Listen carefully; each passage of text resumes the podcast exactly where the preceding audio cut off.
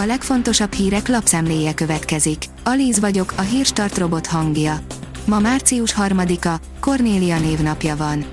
Ukrajna tönkretétele jobban fog fájni a magyar gazdaságnak, mint az Oroszország elleni szankciók hada, írja a G7. Számos nagyvállalat számára szűkülhetnek be vagy szűnhetnek meg az ukrajnai export lehetőségek, céges szinten ez okozza a fő problémát.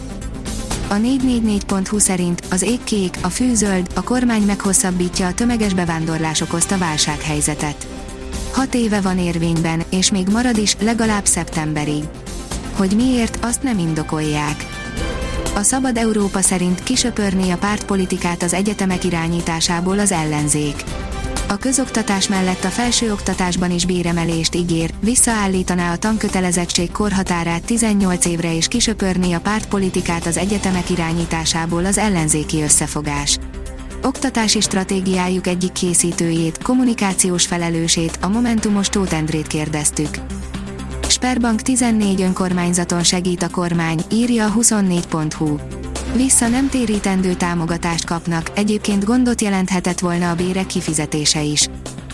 A forboldalon olvasható, hogy kilépő, már csak egy kelet-európai ország marad bent a Kémbanknak is hívott NBB-ben.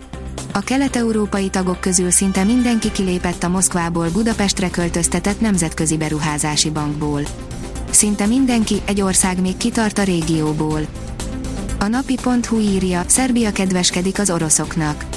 A szerbiai parlament elnöke szerint, amíg országa Európai Uniós csatlakozása csak sok év múlva esedékes, addig csak sok év múlva fogják összehangolni Szerbia külpolitikáját az EU-val és a NATO-val. Az az én pénzem szerint tömegével csuktak be patikák. Már a 12 éve regnáló kormányunk több intézkedésén is jól látszik, hogy minden kommunikáció ellenére azok alapvetően nem a magyar emberek, sokkal inkább bizonyos csoportok érdekét szolgálták. Az egyik tipikusan ilyen terület a gyógyszertárak. Az ATV szerint egy magyar édesanyja Ukrajnából nem akarunk meghalni a miniszterekért. Csendben hintáznak a gyerekek a Beregsurányi iskola udvarán. Mind a Beregszászi járásból, a Tisza jobb partján fekvő Badalóról jöttek. Csupa magyar lakja, pontosabban lakta, ugyanis az anyák és a gyerekek Magyarországra menekültek, a férfiak pedig elbújdostak.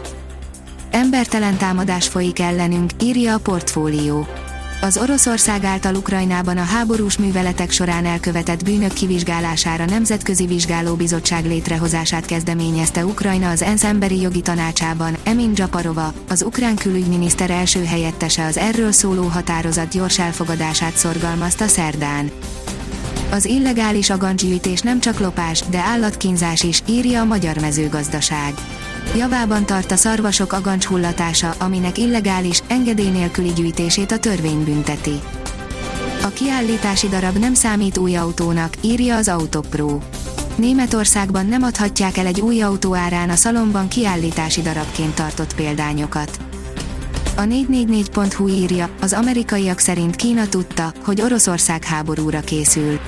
Hírszerzésük szerint ők kérték meg Vladimir Putyint, hogy halassza a pekingi téli olimpia utára Ukrajna lerohanását.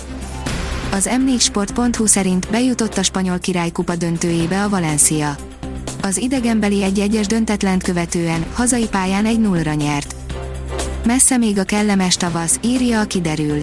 Bár márciust írunk, az igazi tavasz várat magára a következő napokban sem érkezik enyhülés, sőt továbbra is lefelé vándorol a hőmérséklet az északról beáramló hideg légtömegeknek köszönhetően.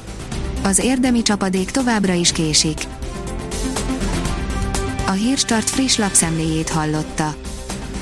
Ha még több hírt szeretne hallani, kérjük, látogassa meg a podcast.hírstart.hu oldalunkat, vagy keressen minket a Spotify csatornánkon.